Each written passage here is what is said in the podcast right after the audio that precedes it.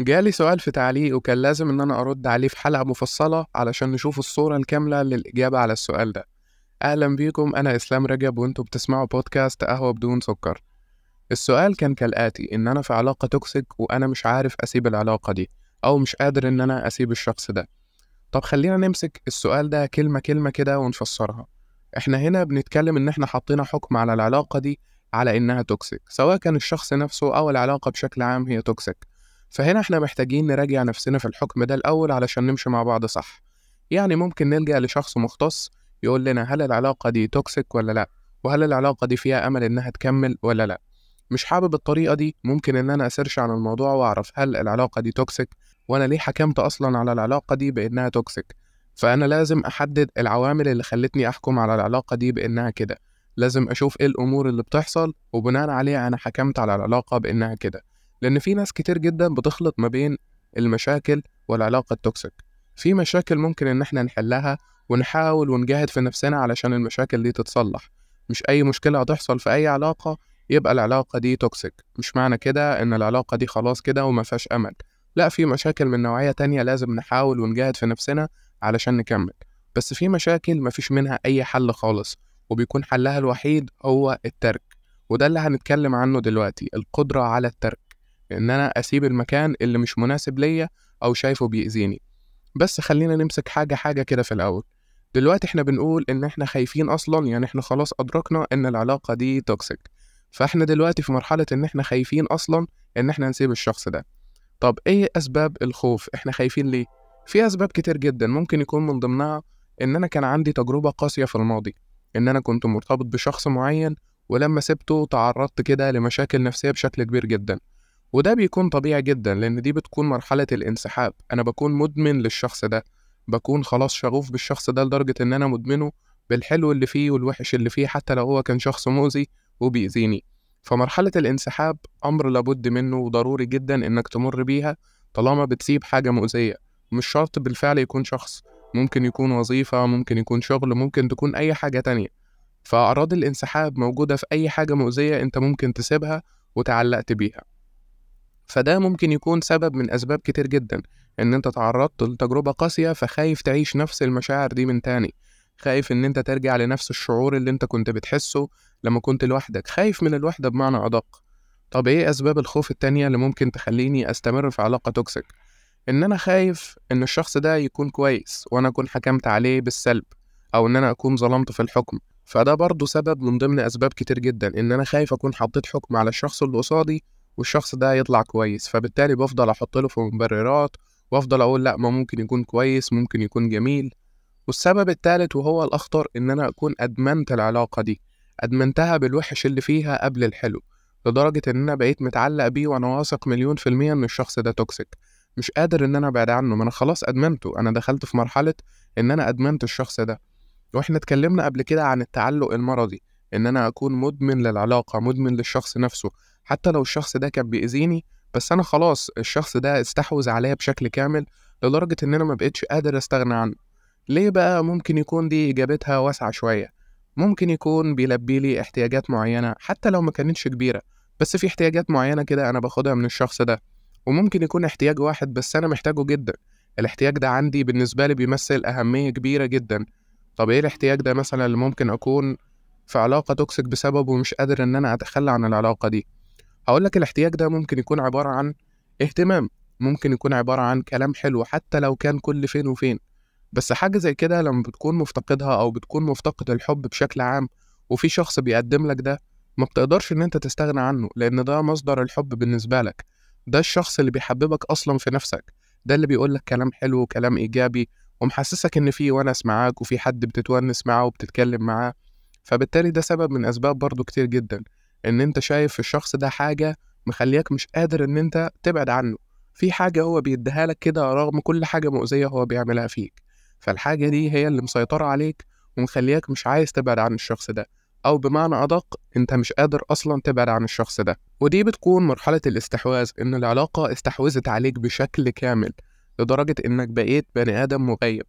يعني إيه بني آدم مغيب؟ يعني ما بقتش عارف الصح من الغلط في العلاقة دي. ما بقتش قادر أصلا تعرف هو اللي بيحصل في العلاقة ده صح ولا غلط ولا الدنيا ماشية إزاي بقيت تايه كده ومغيب ومشتت لدرجة إنك ما بقتش أصلا عارف إيه احتياجاتك الحقيقية احتياجاتك الحقيقية اللي ممكن أصلا تكون نسيتها لمجرد إن في احتياج حلو أنت حبيته من الشخص اللي قدامك.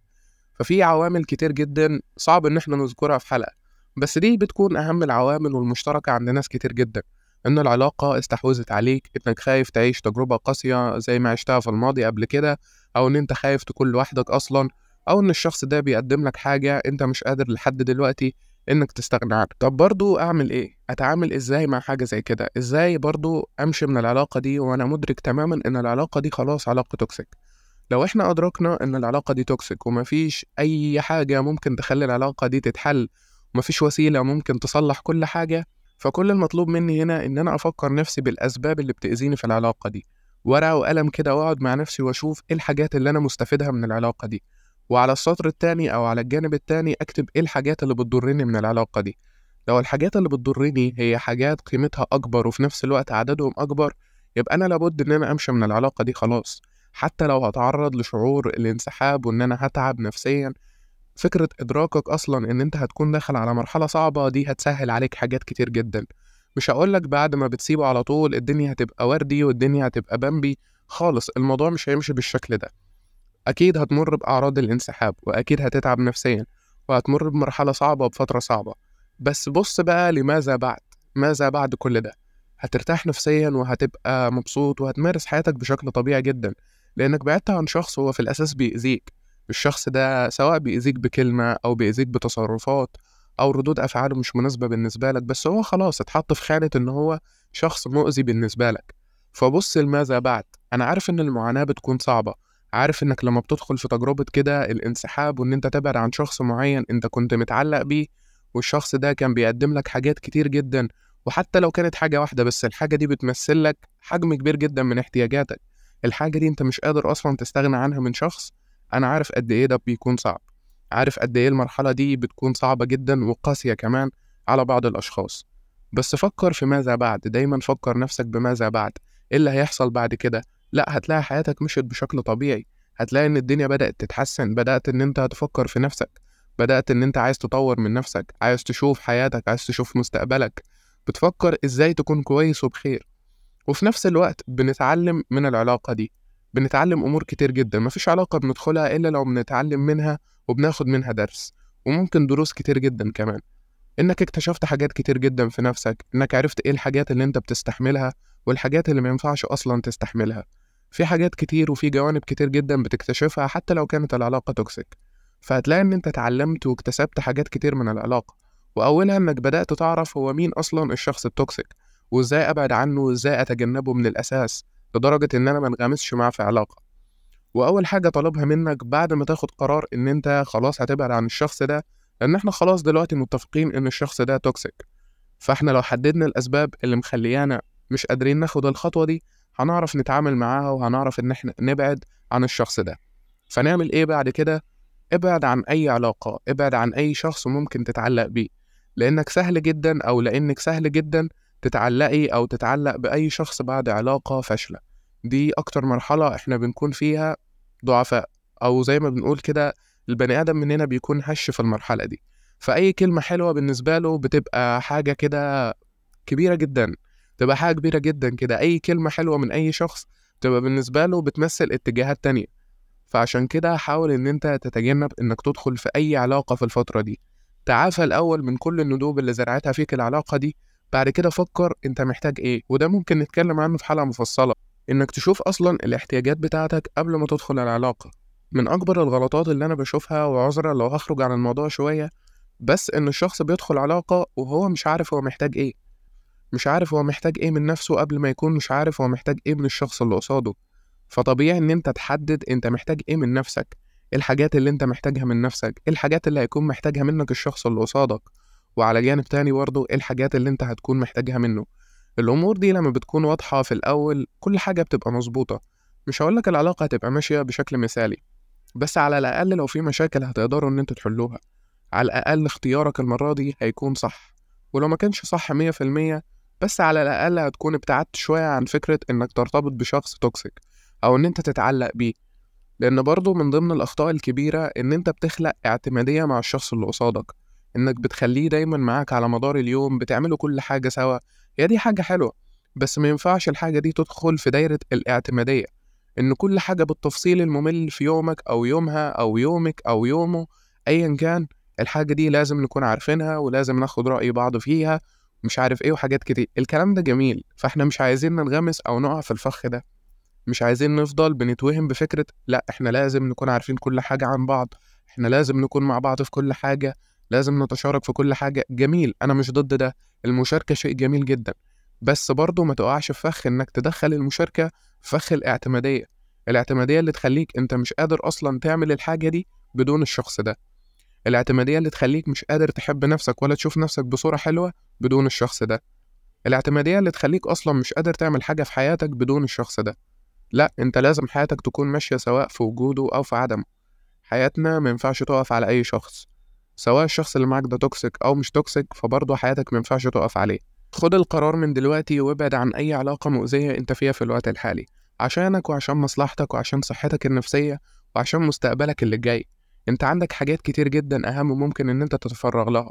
مش بقول إن العلاقات مش مهمة بس برضه لما تكون في علاقة مؤذية أنت كده بتستنزف كم كبير جدا من نفسك. بتستنزف كم كبير من روحك من طاقتك من المجهود اللي بتبذله أصلا في المكان الغلط. فليه تبذل مجهود في المكان الغلط لما ممكن تصحح مسار حياتك وتروح للمكان الصح؟ العلامات اللي انت شفتها في الشخص اللي قصادك إنها توكسيك دي إشارات من ربنا سبحانه وتعالى بيقولك إن أنت في المكان الغلط فبلاش تغمي عينك عن الإشارات عشان خوفك لأ اكسر الخوف بتاعك لما تعرف السبب بتاعه. حدد الأسباب بتاعة المخاوف بتاعتك وبعد كده ابدأ اشتغل عليها علشان تعرف تبعد من الشخص ده. مسافة ما هتحدد المخاوف بتاعتك وأنت خايف ليه وإيه الحاجات اللي بيقدمها لك مخلياك خايف أو إيه الحاجات اللي مخلياك أصلا خايف بشكل عام هتقدر إن أنت تبعد عن العلاقة دي وهتعرف إن أنت تاخد قرار لأنك عرفت إيه اللي منعك وعرفت تتعامل معاه بالشكل الصح. وممكن برضو تشاركونا إيه هي الحاجات اللي منعاكم إيه هي الحاجات اللي مخوفاكم إيه الحاجات اللي مش مخلياكم فعلا تبعدوا عن أي مكان مؤذي مش شرط علاقة ممكن يكون مكان شغل ممكن يكون ايا كان مش لازم يكون علاقة مش لازم يكون شخص. إيه الحاجة المؤذية مثلا اللي في حياتكم وأنتم مكملين فيها وعارفين إنها مؤذية؟ إيه الخوف أو إيه سبب الخوف ده اللي مخليكم مش عايزين تبعدوا أو تهجروا الشخص ده؟